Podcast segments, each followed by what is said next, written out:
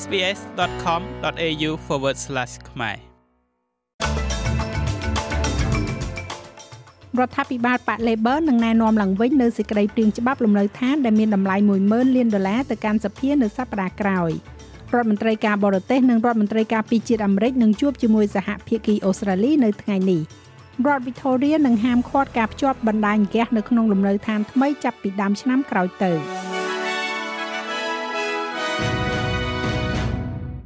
រដ្ឋាភិបាលសហព័ន្ធបានប្រកាសថាខ្លួននឹងដាក់បញ្ចូលឡើងវិញនៅសេចក្តីព្រាងច្បាប់លំនៅឋានរបស់ខ្លួនទៅកាន់សភាតំណាងរាស្ត្រនៅពេលដែលសភាត្រឡប់មកវិញពីការឈប់សម្រាករដូវរងានៅសប្តាហ៍ក្រោយ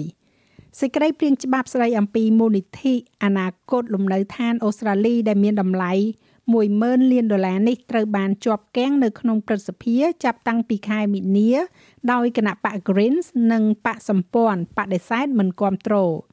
លោកនាយករដ្ឋមន្ត្រី Anthony Albanese មានប្រសាសន៍ថាតម្រូវការរបស់គណៈបក Green សម្រាប់ការបង្កកលើការដំឡើងថ្លៃជួល គឺมันអាចធ្វើទៅបានទេព្រោះវាជាការទទួលខុសត្រូវរបស់រដ្ឋ What we're not doing uh, is uh, abolishing the states អ្វីដែលយើងមិនធ្វើនោះគឺការលុបបំបាត់រដ្ឋជាអ្វីដែលប៉ា Green និយាយថាយើងនឹងបោះឆ្នោតឲ្យសេចក្តីព្រាងច្បាប់របស់អ្នកដរាបណាអ្នកលុបបំបាត់រដ្ឋឬក្នុងករណីខ្លះលុបបំបាត់ទីផ្សារលំនៅឋានឯកជនយើងមិនធ្វើបែបនោះទេ អ្វីដែលរដ្ឋនិងដែនដីកំពុងធ្វើ គឺសម្លឹងមើលលើដែនសមត្ថកិច្ចរបស់ពួកគេ ហើយយើងនឹងមានការពិភាក្សាអំពីសិទ្ធិរបស់អ្នកជួលនិងប្រធានបទមួយចំនួននៅទីនោះប៉ុន្តែវានឹងមិនមែនជាប្រព័ន្ធឯកសណ្ឋានទេជាមួយគ្នានេះអនុប្រធានគណៈបក Liberal លោកស្រី Susan Lee មានប្រសាសន៍ថាសេចក្តីព្រាងច្បាប់លំនៅឋាននេះមិនបានឆ្លងកាត់ប្រសិទ្ធភាពទេដោយសារតែវាជាច្បាប់មិនត្រឹមត្រូវ។ The legislation does not stack up. It doesn't address the housing ច្បាប់នេះមិនសមហេតុសមផលទេ វាមិនបានដោះស្រាយអំពីថ្លៃផ្គត់ផ្គង់លំនៅឋាននៅក្នុងប្រទេសនេះទេប៉ុន្តែអ្វីដែលសំខាន់បំផុតនោះគឺវាមិនទទួលស្គាល់ការពិតនៅទូទាំងប្រទេសអូស្ត្រាលី នៅពេលដែលនិយាយអំពីអ្នកសាងសង់ដែលនៅត្រឹមជញ្ជាំងខណៈដែលថ្លៃចំណាយសង់ផ្ទះឡើងខ្ពស់កប់ដំបូលការកើនឡើងនៃថ្លៃតើយើងទទួលបានអ្វីខ្លះពីលោក Anthony Albanese យើងទទួលបាននៅការធ្វើនយោបាយហើយយើងទទួលបាននៅការគម្រាមកំហែង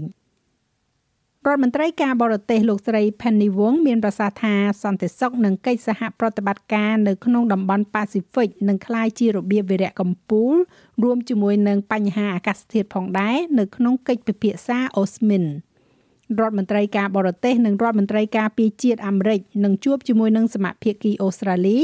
នៅមុនពេលទទួលទានអាហារថ្ងៃត្រង់លក្ខណៈការងារជាមួយនឹងលោកនាយករដ្ឋមន្ត្រីនៅថ្ងៃសុក្រនេះសមាជិកប្រសិទ្ធិលោកស្រីវងបានប្រាប់ ABC ថាសហរដ្ឋអាមេរិកមានទំនាក់ទំនងយ៉ាងស៊ីជម្រៅនៅក្នុងតំបន់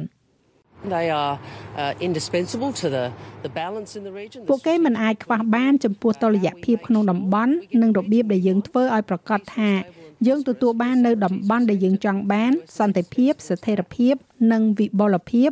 ដែលអធិបតេយ្យភាពត្រូវបានគោរព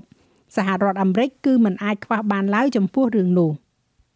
ជាមួយគ្នានេះក្រុមអ្នកគាំទ្រស្ថាបនិក WikiLeaks ដែលកំពុងតែជាប់ពន្ធនាគារគឺលោក Julian Assange បានជំរុញឲ្យរដ្ឋមន្ត្រីអូស្ត្រាលីជំរុញឲ្យមានការដោះលែងរូបលោកនៅពេលដែលពួកគេជួបប្រជុំគ្នាជាមួយនឹងសមាភាគីសហរដ្ឋអាមេរិក ប្អូនប្រុសរបស់លោក Assange គឺលោក Gabriel Shipton និយាយថាកិច្ចពិភាក្សា Osman អាចជាលើកចុងក្រោយដែលនាយករដ្ឋមន្ត្រីនិងរដ្ឋលេខាធិការសហរដ្ឋអាមេរិកជួបគ្នានៅមុនពេលដែលបរិះវ័យ51ឆ្នាំរូបនេះប្រឈមមុខទៅនឹងការធ្វើបច្ចុប្បន្នពីចក្រភពអង់គ្លេសទៅសហរដ្ឋអាមេរិកលោកនិយាយទៀតថាពួកគេអាចជួយបញ្ចប់សុបិនអាក្រក់របស់បងប្រុសគាត់បាន ជនជាតិអូស្ត្រាលីរូបនេះត្រូវបានឃុំខ្លួននៅក្នុងពន្ធនាគារទីក្រុងឡុងតាំងពីឆ្នាំ2019មកសហរដ្ឋអាមេរិកចង់ចាប់ខ្លួនរូបលោកចំពោះការលេចធ្លាយឯកសាររាប់ពាន់ច្បាប់នៅក្នុងឆ្នាំ2010អំពីប្រតិបត្តិការរបស់សហរដ្ឋអាមេរិកនៅក្នុងប្រទេសអ៊ីរ៉ាក់និងអាហ្វហ្គានីស្ថាន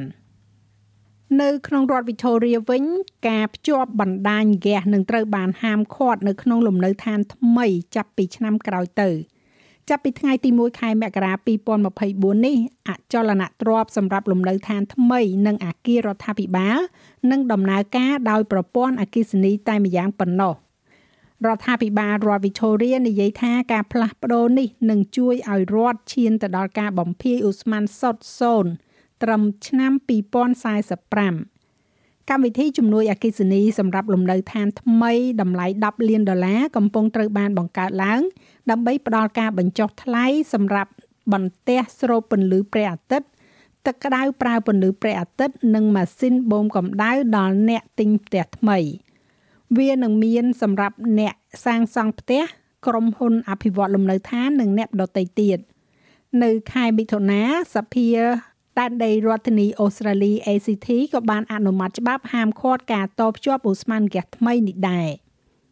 នៅប្រទេសកម្ពុជាឯណោះវិញកាលពីម្សិលមិញគណៈកម្មាធិការជាតិរៀបចំការបោះឆ្នោតហៅកាត់ថាកោជបបានបើកសាវនាការជំនុំជម្រះជាសាធារណៈ ទៅលើបណ្ដឹងក្នុងសំណុំរឿងបោះឆ្នោតចំនួន5បណ្ដឹង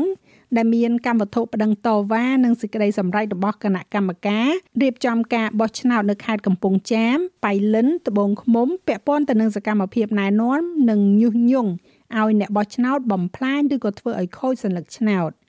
ជាលទ្ធផលកោជបបានសម្រេចដំកល់សេចក្តីសម្រេចរបស់គណៈកម្មការរៀបចំការបោះឆ្នោតខេត្តទៅលើសំណុំរឿងទាំង5នេះទុកជាបានការនិងបើកផ្លូវប្តឹងតវ៉ាទៅក្រមប្រឹក្សាធម្មនុញ្ញតាមការកំណត់នៃច្បាប់លោកហងពុធាសមាជិកនិងជាអ្នកនាំពាក្យកោជបទុកជាបានការមានន័យថានៅតែរក្សាការដាក់ពិន័យបងប្រាក់ក្នុងនោះពី10ទៅ15លានរៀលពិន័យត្រូវលុបឈ្មោះចេញពីបញ្ជីបោះឆ្នោត និងមានការដកសិទ្ធិឈរឈ្មោះឲ្យគេបោះឆ្នោតចាស់ឲ្យលោកមេងផល្លានឹងជួនសេចក្តីរាយការណ៍ពិស្ដារនៅវគ្គក្រោយជាបន្តទៀតឬលោកអ្នកអាចចូលស្ដាប់លើគេហទំព័រ sbs.com.au/ ខ្មែរក្រុមកីឡាហែលទឹកសេរីចម្ងាយ200ម៉ែត្រ4ជុំរបស់កីឡាការិនីអូស្ត្រាលី បានបង្កើតនៅកំណត់ត្រាពិភពលោកក្នុងព្រឹត្តិការណ៍ World Aquatic Championship នៅប្រទេសជប៉ុន កីឡាការិនី Molly O'Callaghan, Shaina Jacks, Brianna Throssell និង Arian Timmers បានឈ្នះនៅវគ្គផ្ដាច់ព្រាត់ក្នុងរយៈពេល7នាទី37.50វិនាទីពួកគេធ្វើបានលឿនជាង72វិនាទីទៅលើកំណត់ត្រាពិភពលោកកាលពីលើកមុនដែលកំណត់ដោយអូស្ត្រាលី នៅឯការប្រកួត Commonwealth Games កាលពីឆ្នាំមុននៅទីក្រុង Birmingham អូស្ត្រាលីឈ្នះមេដាយមាសចំនួន9គ្រឿងនៅក្នុងការប្រកួតជើងឯកនេះចំណែកអត្រាប្តូរប្រាក់វិញ1ដុល្លារអូស្ត្រាលីមានតម្លៃប្រមាណជា767សេនដុល្លារអាមេរិកត្រូវនឹង2760រៀលប្រាក់រៀលខ្មែរ